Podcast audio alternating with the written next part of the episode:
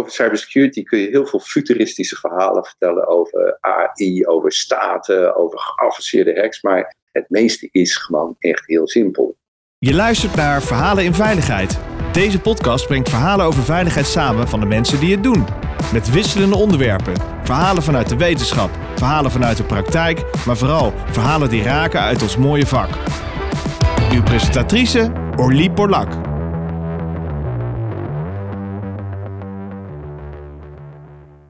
Welkom luisteraars. Het is weer tijd voor een uh, mooie podcast. En vandaag gaan we het hebben over digitale veiligheid. En het is een thema dat mij uh, steeds meer is gaan uh, boeien. je ziet steeds meer dat we echt een volledig geautomatiseerde werkomgeving krijgen. De meeste organisaties die heel veel data hebben, die gebruiken al AI. En ik vraag me echt serieus af, hoe kwetsbaar worden we nou? En gaan we van een fysieke veiligheid als grootste ja, zorg naar een grote zorg over digitale veiligheid. En moeten we ons daar eigenlijk zorgen over maken? Dus ik dacht, het wordt eens tijd om daar uh, wat uh, experts over te interviewen. Om dus te kijken van hoe staat het met onze digitale veiligheid. En vandaag praat ik met uh, Chris van het Hof. Hij is een bekende naam uit de media en directeur van Dutch Institute of Vulnerability Disclosure. Daarnaast is hij onderzoeker, schrijver en keynote spreker. Chris helpt organisaties vooral in het ja, openbaren van de kwetsbaarheden en hun helpen daarop te sturen. En vandaag willen wij met z'n tweeën jullie als luisteraars een beetje bewust laten zijn van digitale veiligheid en de kwetsbaarheden daarin. Dus Chris, super gaaf dat je tijd uh, voor mij hebt. En fijn dat je uh, mij en de luisteraars wil uh, bijpraten. Hartelijk welkom. Ja, dankjewel. Ja, laten we gewoon maar eens beginnen met hoe staat het met onze digitale veiligheid in Nederland? Nou, in Nederland, ja, het internet houdt zich niet aan de grenzen. Dus laten we zeggen, de digitale veiligheid uh, wereldwijd. En uh, ik zal je eerlijk zeggen, ik ben af en toe verbaasd dat het het allemaal nog doet. Uh, wat wij doen vanuit DIVD is wij scannen continu het hele internet op kwetsbaarheden.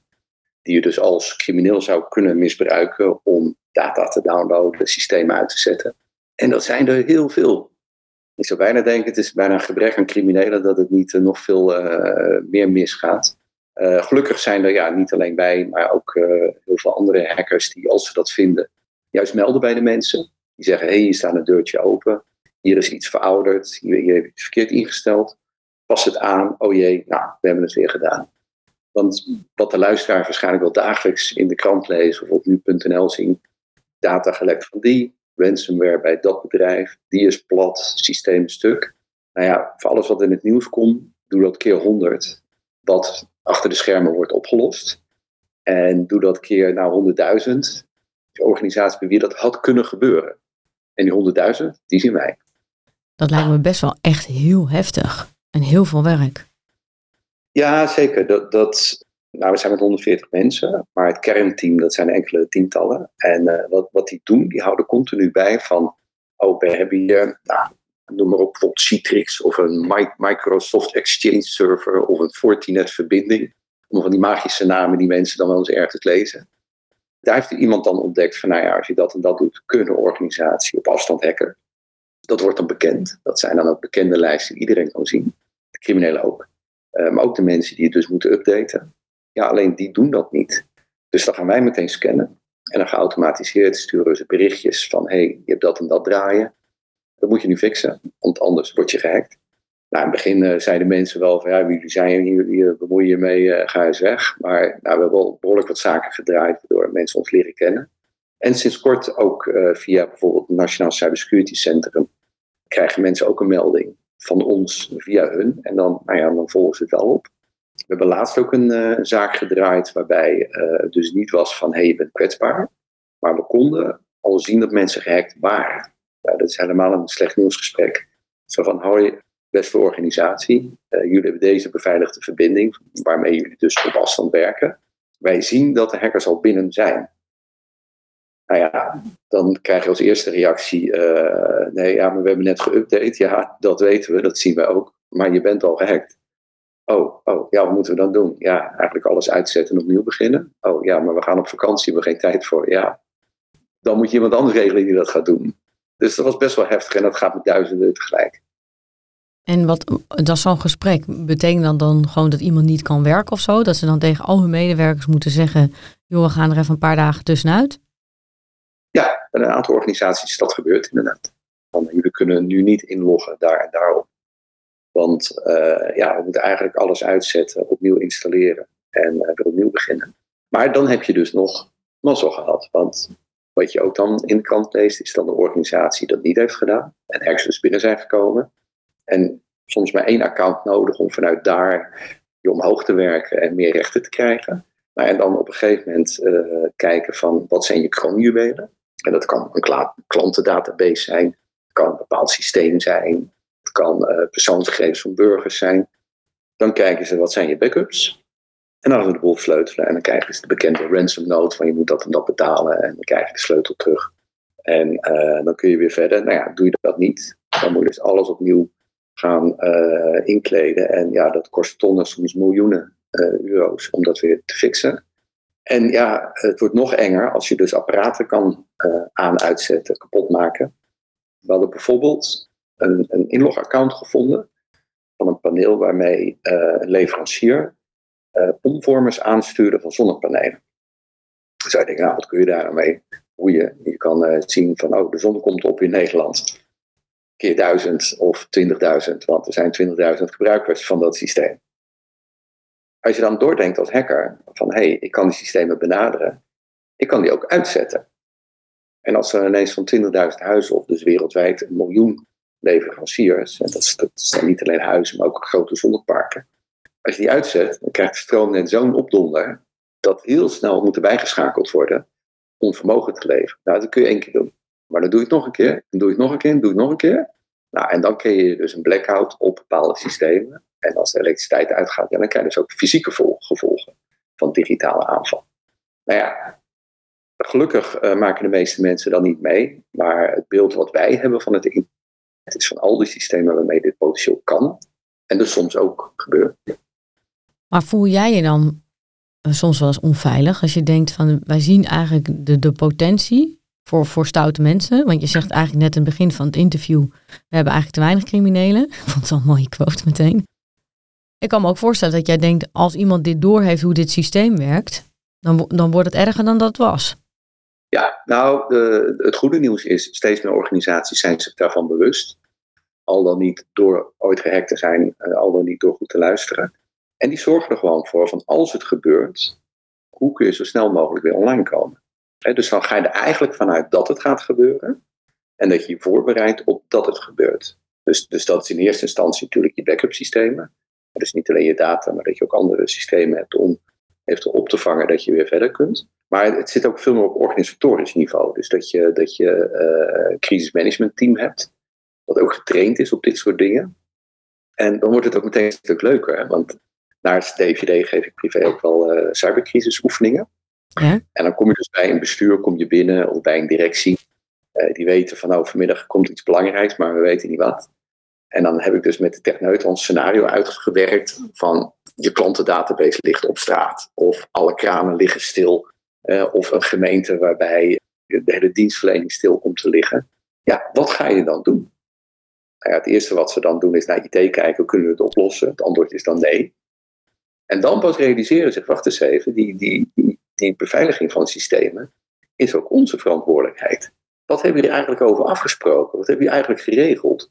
En wat je heel vaak ziet ook bij bedrijven, die zeggen ja, we hebben een leverancier en die vertrouwen we. Nou ja, dan komt de SLA op tafel, hè, de Service Level Agreement. Ook potverdikkie, de updates, ja, daar zijn we zelf verantwoordelijk voor. Waarom wisten we dat niet? Nou, zegt die IT, ja, dat hebben we al een tijd geleden aan je verteld. Maar ja, als we dat wilden laten doen door een ander bedrijf, werd het te duur. En daar heeft de CFO van gezegd, nee, kunnen we niet betalen. Dus het is jouw probleem. Nou, dat, dat moet je zien te voorkomen door dat te oefenen. En dat je dan ziet van als dit echt gebeurt, dan hebben wij onze mensen daarvoor om erop te acteren. Maar en dat zie ik steeds meer gelukkig. Het klinkt ook wel als ik doe maar een update en dan uh, ben je veilig. Als de meest ultieme beheersmaatregel? Nou, het, het is vaak nog lulliger. Is, de meeste hacks is toch nog steeds gewoon gebruikersnaam wachtwoord. Echt zo flauw is het. En als je daar nou uh, maatregelen voor doet, en, en dan bedoel ik niet, uh, het moet een lang wachtwoord zijn, dan moet ik teken daarin. Nee, dat, die tijd is voorbij. Zorg ervoor voor de zogenaamde twee-factor authenticatie. Dus dat je met een token, sms of wat dan ook, uh, ook inlogt. Dan ben je de crimineel over een groot deel voor. Uh, wachtwoordmanagers, ook belangrijk. Hè, dat je verschillende plekken verschillende wachtwoorden gebruikt. Dan heb je al een hoop gedaan. Hè, dus dat is, dat maar zeggen, de, het eerste beveiligingsniveau dat je goed op orde moet hebben.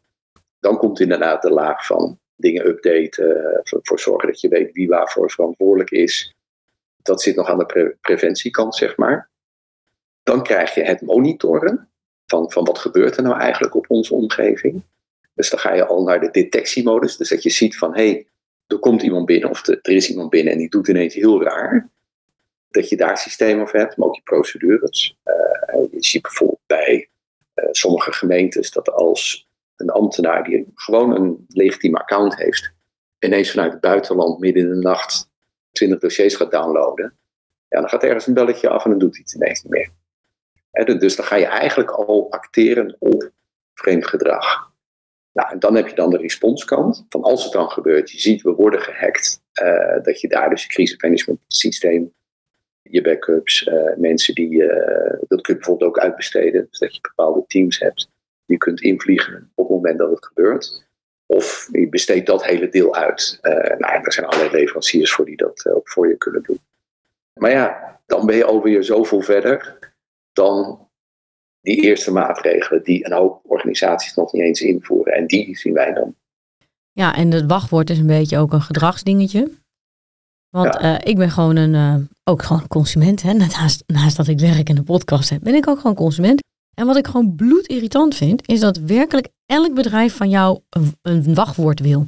Denk ik, waarom? Ik kom gewoon bij jou kopen. Er is geen reden dat ik een wachtwoord moet aanmaken. Er is ook geen reden dat jij mijn gegevens überhaupt bewaart. Want als je het opgestuurd hebt, gooi alsjeblieft mijn spullen weg. Want wat ze ook allemaal doen, al die bedrijven, is je stiekem daarna vervolgens oeverloos en eindeloos ongevraagd mailen. Daar hadden we ooit een afspraak over gemaakt, volgens mij zelfs Europees, dat we dat niet zouden doen. Maar volgens ja. mij heeft iedereen uh, geheugenverlies. Want ik word echt door uh, de meest rare bedrijfjes word ik gemaild. En dat je echt denkt, hè? Oh, daar heb ik vast wel iets gekocht. Maar is dat ook niet gewoon het probleem? Is dat je, je klant, hè? Dus ik denk, zit nu even aan een energieleverancier te denken. Die moet dan weer een hip appje hebben. Moet je dan weer voor aanmelden. Dan moet je dus ook weer een wachtwoord maken. Ontlokken ze eigenlijk ook niet dat probleem door, uh, door de dienstverlening?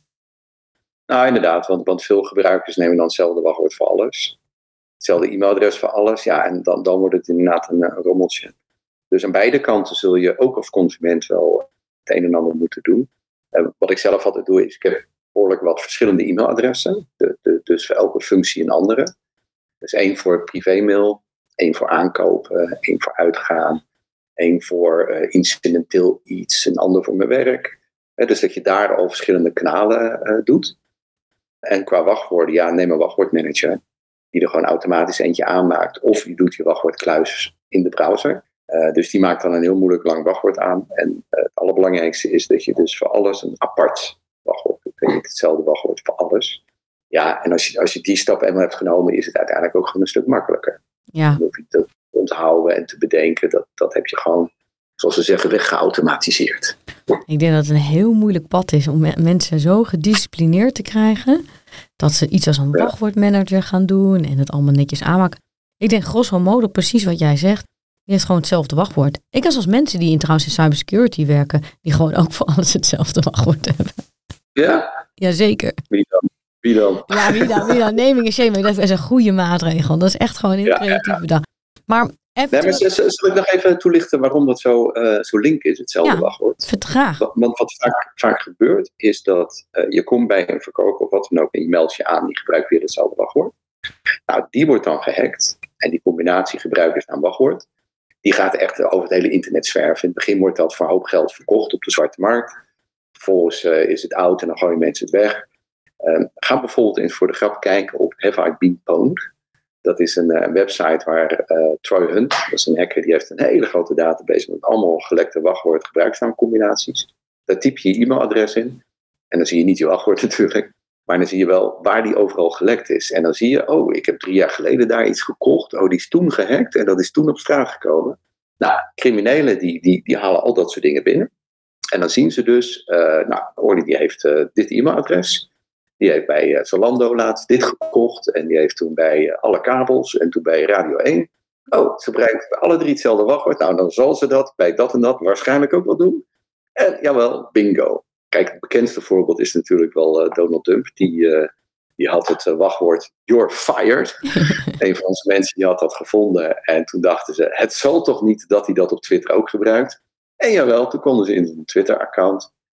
Toen uh, hebben ze de goede man uh, gemeld van, nou, we moeten dat toch echt aanpassen. En doe die twee-factor authenticatie, bla bla bla. Nou, ze hoorden helemaal niks. En toen herinnerde een van die hackers zich van, oh ja, ik had ook nog gezegd, doe een moeilijke wachtwoord. Bijvoorbeeld, Make America Great Again 2020 uitroepteken. Toen zei iemand anders, het zal toch niet? Ja, Jawel, hij had dat als wachtwoord gebruikt. Hoe dom kan je zijn? nou, ik vind het toch wel weer geniaal. ja, maar je gaat, iemand die jou gehackt heeft en zegt van je moet je wachtwoord veranderen. Bijvoorbeeld. Ja. En dat je dat gebruikt. Ja. Wat wij bijvoorbeeld ook heel vaak zien, uh, dan heb je bijvoorbeeld allerlei apparaten. Dus een webcam of een ring of een stofzuiger, weet ik het, dat is allemaal slim. Ja. En dan heb je een handleiding en daar staat dan in, het standaard wachtwoord is welkom 01. Ja. U moet dat veranderen, bijvoorbeeld in welkom 0123. Nou, dan gaan we eens kijken. Dan zie je de helft van die stofzuigers heeft nog steeds wachtwoord welkom 01. Ja. En de andere helft heeft, wel welkom 0123. Ja. Het is toch niet. en, en nou ja, kijk, over cybersecurity kun je heel veel futuristische verhalen vertellen over AI, over staten, over geavanceerde hacks. Maar het meeste is gewoon echt heel simpel. En dat is, dat is misschien een, een ontnuchterende, maar ook wel een, een, een nare boodschap. Omdat er zoveel gewoon ja. Maar hoeveel skills, hè? Nou, je hebt natuurlijk misschien ook wat uh, ouders die meeluisteren en denken... oh, misschien is dat wat voor mijn uh, kind hacker worden. Als dat mm. toch makkelijk is, ik hoef maar één skill dus te leren. En dat is, is ja. hoe, hoe kom ik binnen via een gelekt wachtwoord? Ja, zo simpel is het. Nou, en, en zeker onder jongeren, die delen dan de wachtwoorden met elkaar. Dan gaan ze grappen uithalen op elkaars account. Dat is natuurlijk uh, allemaal heel fout. Nee, maar het is goed dat je dat ook aansnijdt. Uh, er zullen veel ouders luisteren uh, die een, een, kind hebben dat heel vaak achter de computer zit. En denkt, oh, ja. je denkt, wat is die nou aan het doen? Ja. Nou ja, er zijn 12, 13-jarigen die de banken kunnen leegtrekken. Met meer geavanceerde middelen natuurlijk. Want al die technieken zijn allemaal te vinden op het internet. Als je maar lang genoeg zoekt en oefent. Je ontmoet andere hackers, gaan samen elkaar een beetje opjutten. Voor je het weet zit je ergens in. Ken veel mensen bij de politie die dan na lang onderzoek ergens binnenvallen. En er zit gewoon een knul van 14. Ja, maar ja, wel een schadepost van een paar miljoen. Ja, als ouders dat in de smiezen hebben met kunt, er zijn gelukkig steeds meer organisaties die uh, daar open voor staan. Dus je bijvoorbeeld, uh, nou, we hebben ook een eigen DVD Academy voor, voor jongeren die uh, willen leren hacken. of dat eigenlijk al doen, maar daarin wel begeleid moeten worden. Je hebt bijvoorbeeld HackShield voor de allerjongsten. Dus dan kun je ook een soort security test doen. En dan kijken ze, oké, de allerbeste, die vissen we eruit. En nou ja, dat is wat HackShield doet, wat is de DVD Academy. Maar ook wij als DVD, dat de mensen die dat kunnen, dat die niet de slechte kant op gaan, maar dat die uh, juist aan de goede kant komen om ja, te helpen al die kwetsbaarheden op te lossen. En, nou ja, en als ze daar goed in worden, dan kunnen ze uiteindelijk ook een hele goede baan in krijgen. Zelfs als je geen opleiding hebt, ik ben een goede hacker, ik garandeer je, je krijgt een goede baan. Ja, dat is werkzaam. Hoor ik net. Ah, maar eigenlijk hoor ik jou ook om een structureel probleem zeggen. Want je hebt organisaties, nou, wat ik al zelf in de intro zei, zei, die zijn echt volledig gedigitaliseerd. Je hebt medewerkers die voor alles hetzelfde wachtwoord gebruiken. En misschien ook wel je klanten. Dus misschien komen ze wel binnen via je klant. Dan heb je een, een, een zakelijk netwerk, maar ook een consumenten eigen netwerk, omdat je product aan consumenten geeft. En je hebt een hele grote groeiende groep die eigenlijk zichzelf kan educeren om hacker te worden via het internet.